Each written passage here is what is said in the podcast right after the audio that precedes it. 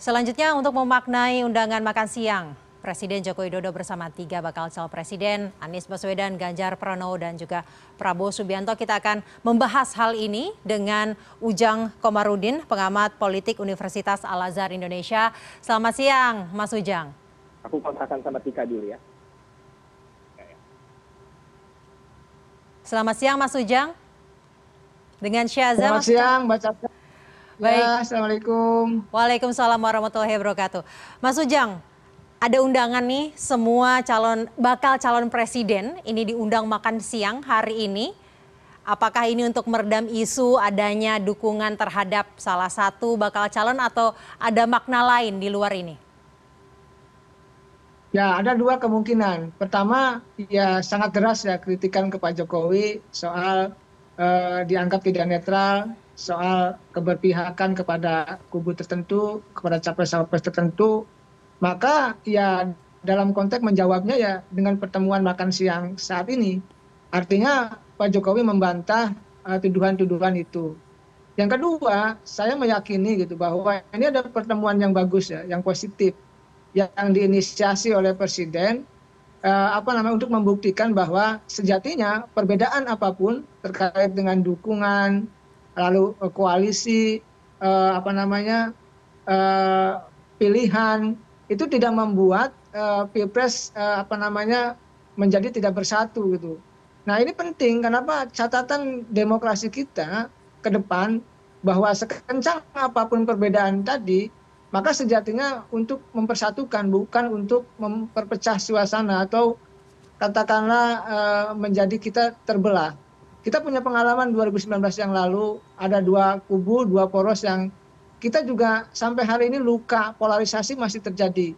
Oleh karena itu belajar dari pengalaman 2019 yang lalu maka ketika tiga poros ada ketika ada uh, tiga bakal capres yang sudah mendaftar ke KPU maka dalam konteks uh, pertemuan makan siang ini saya melihatnya ya ya bisa jadi selain santai gitu makan siang ya membangun komitmen membangun komitmen bahwa ke depan uh, pilpres 2024 harus dilakukan secara aman damai dan tertib. Karena kalau tidak ada komitmen ya bisa jadi di depan uh, layar oke oke saja tapi di belakang layar saling serang saling gebuk saling uh, fitnah saling tebar hoax. Ini yang tidak boleh kita lakukan. Oleh karena itu saya melihat apa yang dilakukan oleh Pak Jokowi tadi selain untuk membantah ya tuduhan uh, netralitas lalu juga ya ingin membuktikan kepada publik bahwa sejatinya ya Pak Jokowi ingin um, membuat legacy dan pemilu 2024 ada di bawah kepemimpinan dia dipastikan berjalan dengan aman, damai dan tertib uh, apa namanya menjadi tugas uh, Pak Presiden seperti itu. Apakah kemudian hal ini justru bisa dipersepsikan, diasumsikan adanya cawe-cawe terhadap ketiga bakal calon presiden ini? Melihat bagaimana latar belakang atau sejarah, apakah presiden-presiden sebelumnya, kita sebut saja mungkin SBY, pernah melakukan hal ini kah di 2014 atau presiden sebelum SBY, Mas? Ya memang Pak SBY lebih soft ya, lebih halus dalam konteks uh, posisi di tengah gitu. Ya bagaimanapun kan besannya yang maju ketika itu ya menjadi bakal calon wakil presiden yaitu Pak Hatta Rajasa. Tapi memang dalam uh, di masa yang lalu di masa Pak SBY tidak terlalu kelihatan gitu soal keberpihakan maka uh, Pak SBY dianggap di tengah dianggap netral. Nah dalam pilpres 2024 ini kan banyak deras tuduhan kepada Pak Jokowi dianggap berpihak, dianggap mendukung capres-capres tertentu maka inilah yang membuat publik mengkritik Pak Jokowi. Tetapi kita lihat misalkan ada pergeseran dukungan juga. Yang sebelumnya misalkan Pak Jokowi mendukung Pak Ganjar, tetapi hari ini pasca ya Pak Prabowo uh, menggandeng uh, Gibran menjadi cawapresnya, dukungan itu mengarah kepada uh, Pak Jokowi uh, dipersepsikan mendukung uh, Prabowo Gibran. Nah dalam konteks itu pula maka lawan-lawan politik termasuk publik gitu ya mempertanyakan apakah Pak Jokowi uh, apa namanya tadi apakah cawe-cawe atau tidak. Hmm. Saya melihat ini uh, sangat positif, sangat bagus untuk melihat Indonesia ke depan ya. Terlepas nanti uh, Pak Jokowi memihak atau tidak sebagai warga negara sudah saya jelaskan uh, sejak beberapa tahun yang lalu boleh mendukung mendukung. Yang tidak boleh adalah menggunakan struktur infrastruktur negara untuk kepentingan pemenangan itu yang tidak boleh. Tetapi sebagai warga negara silakan dukung mendukung. Dan itu tidak dilarang dalam konstitusi. Tetapi sebagai presiden punya uh, kekuatan yang penuh ya untuk bisa mendukung mendukung. Lalu misalkan menggunakan fasilitas negara itu yang tidak boleh. Oleh karena itu saya melihat ya dalam konteks makan siang hari ini saya melihatnya sesuatu yang positif sesuatu yang bagus yang diawali oleh Pak Jokowi ya untuk menata Indonesia ke depan. Selama ini tuduhan-tuduhan yang deras terkait netralitas yang dianggap Pak Jokowi tidak netral yang dianggap Pak Jokowi bermain di uh, kubu tertentu ya ketika misalkan dipertemukan dalam sebuah makan siang di Istana Negara ini uh, saya melihatnya bahwa ada titik cerah bahwa selama ini uh, beda kubu, beda poros, beda dukungan bukan untuk saling uh, apa nama baku hantam, tapi untuk mempersatukan. Itu yang harus kita jaga. Jadi dari sisi keetisan ini, ini Uh, Mas Ujang, jadi dari sisi keetisan ini tidak bisa kemudian dilihat secara negatif walaupun pertemuan tersebut dilakukan di Istana Negara ya Mas? Ya, saya melihatnya sesuatu yang bagus ya, karena mereka kan calon pemimpin bangsa semuanya baik uh, Pak Prabowo, Pak Ganjar dan Pak Anies itu kan calon pemimpin siapa pun yang uh, terpilih. Artinya hawa-hawa kekuasaan ya, hawa-hawa istana itu ya ya biasa apa namanya mengiringi langkah gerak mereka begitu. Jadi kalau seandainya Pak Jokowi mengundangnya di Istana Negara, saya sih melihatnya sesuatu yang uh, tidak ada apa namanya sesuatu yang baik saja. Dan saya melihat uh, saya sih gini, apa apa pun yang dilakukan oleh uh, capres tersebut ya ketika capres ketika memenuhi undangan presiden artinya ada komitmen kebersamaan adanya ada komitmen untuk bisa membangun bangsa apa namanya bersama-sama walaupun beda kubu. Ini kan soal kontestasi pasti ada yang berbeda. Ini kan soal apa namanya pilihan. Pasti apa namanya ada yang kalah dan ada yang menang.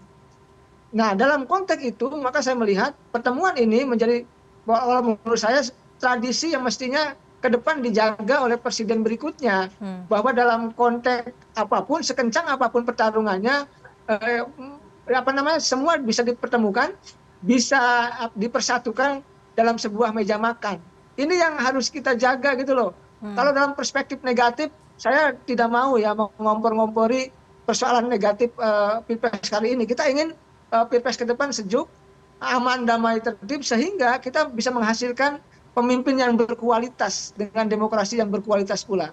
Dan perspektif cawe-cawenya sebenarnya bisa dilihat dari perspektif positif yang seperti tadi uh, Mas Ujang katakan bahwa Presiden Jokowi ingin memastikan kebijakan-kebijakan uh, ataupun program-program yang baik ini akan dilanjutkan oleh siapa pun yang menang nanti. Seperti itu ya Mas? Ya, walaupun memang ada dua kubu katakanlah ya, ada kubu perubahan, ada kubu apa namanya keberlanjutan. Nah dalam konteks pertemuan siang hari ini di makan siang di Istana Negara itu, itu melebur menjadi satu.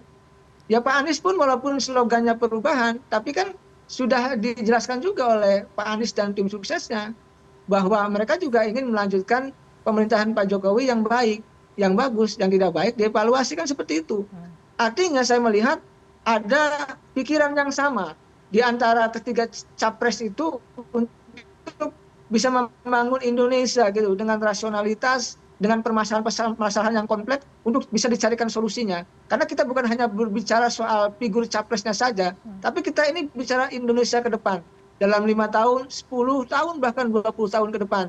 Bahwa sejatinya Pilpres momentum mencari capres cawapres terbaik untuk bangsa Indonesia. Oleh karena itu yang muncul yang hadir hari ini adalah putra-putra terbaik. Dan dalam konteks uh, saya melihatnya cawe-cawe Pak Jokowi dalam hal ini yang positif ya, ya. bahwa mempertemukan ketiga capres itu tidak mudah, tetapi presiden lakukan.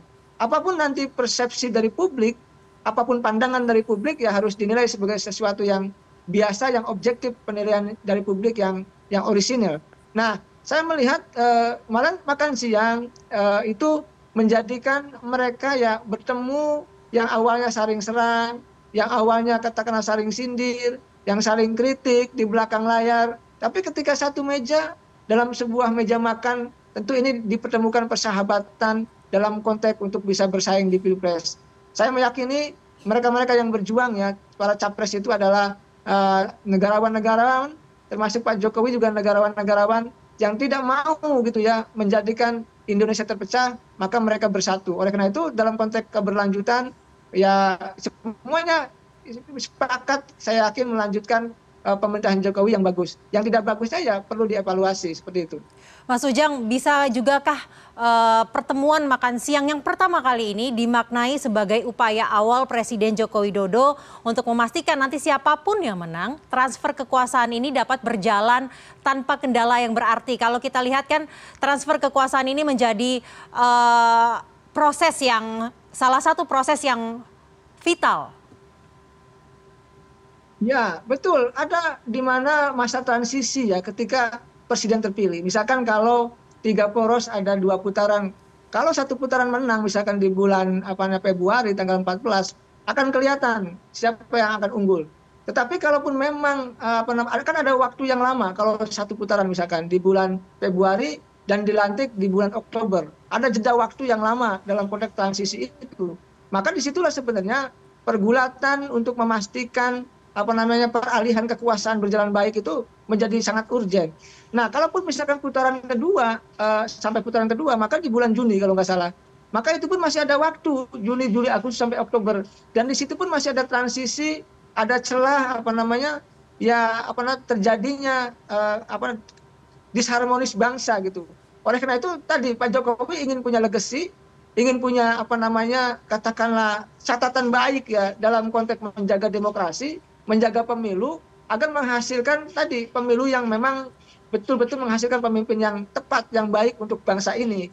Oleh karena itu saya melihat ya ya masa transisi nanti perubahan kepemimpinan dari Pak Jokowi kepada Presiden terpilih memastikan bahwa itu berjalan dengan smooth, berjalan dengan baik, maka eh, semua teman-teman media termasuk CNN TV Indonesia dan kita saya pengamat gitu punya kepentingan hmm. untuk menjaga kualitas demokrasi dan pemilu ini dengan baik begitu.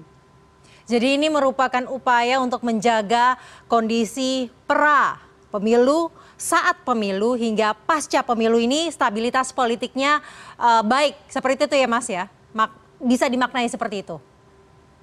Ya, saya meyakini, saya meyakini itu ya. Salah satu poin pertemuan itu. Karena kita tahu bahwa banyak serangan-serangan ya yang adu serangan ya antara ketiga poros gitu. Saling serang saling uh, kritik dan itu sudah menunjukkan kepada kualitas demokrasi yang tidak sehat. Kadang-kadang serangannya juga kebablasan cenderung menebar hoax. Ini yang tidak boleh.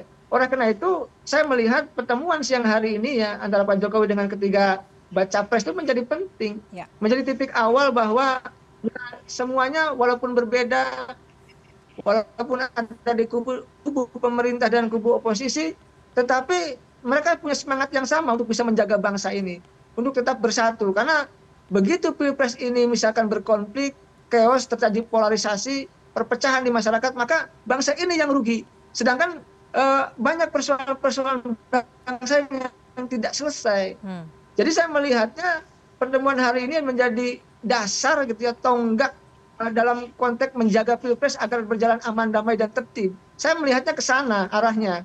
Dan kita harus membangun sebuah konstruksi narasi yang positif untuk menjaga pilpres agar tetap aman, damai, dan uh, penuh kebahagiaan gitu. Jangan sampai pilpres yang kali ini menghadirkan tiga uh, poros, tiga uh, capres dan cawapres, lalu terjadi sesuatu yang kita tidak inginkan. Oleh karena itu kita mari jaga bersama-sama bangsa ini, jaga kualitas pemilunya, jaga kualitas demokrasinya. Siapa pun yang yang keliru kita luruskan kita kritik. Tetapi siapa pun yang benar kita dukung. Itu yang harus menjadi catatan kita dalam berdemokrasi. Menjadi titik awal tonggak maupun dasar bahwa perbedaan apa pun yang terjadi dalam pemilihan umum Pilpres Pileg pada tahun 2024 ini justru menjadi bahan bakar yang konstruktif ya Mas ya untuk persatuan Indonesia yang lebih baik ke depannya. Kemudian yang menarik juga hari ini yang diundang hanya ya. bakal calon presidennya saja. Tadi dari koresponden kami yang saat ini sedang bertugas di sana negara, kami sempat menanyakan kenapa wakil presidennya tidak diundang. Menurut koresponden kami ini karena adanya kesejajaran uh, calon presiden dengan presidennya, kemudian calon wakil presidennya nanti dengan uh, Maruf Amin. Maknanya apa nih Mas? Ya, saya sih melihat berbagi peran ya. Hmm. Mungkin Pak Jokowi tidak mau ambil peran semuanya. Artinya bakal capres dan cawapres diambil dalam satu meja dengan Pak Jokowi. Tentu uh, ingin memberikan kewenangan keleluasaan ya kepada Pak Ma'ruf Amin sebagai wakil presiden juga punya hak yang sama untuk bisa makan siang untuk berkumpul bersama bakal cawapres. Saya rasa hal yang bagus ya kalau itu dilakukan.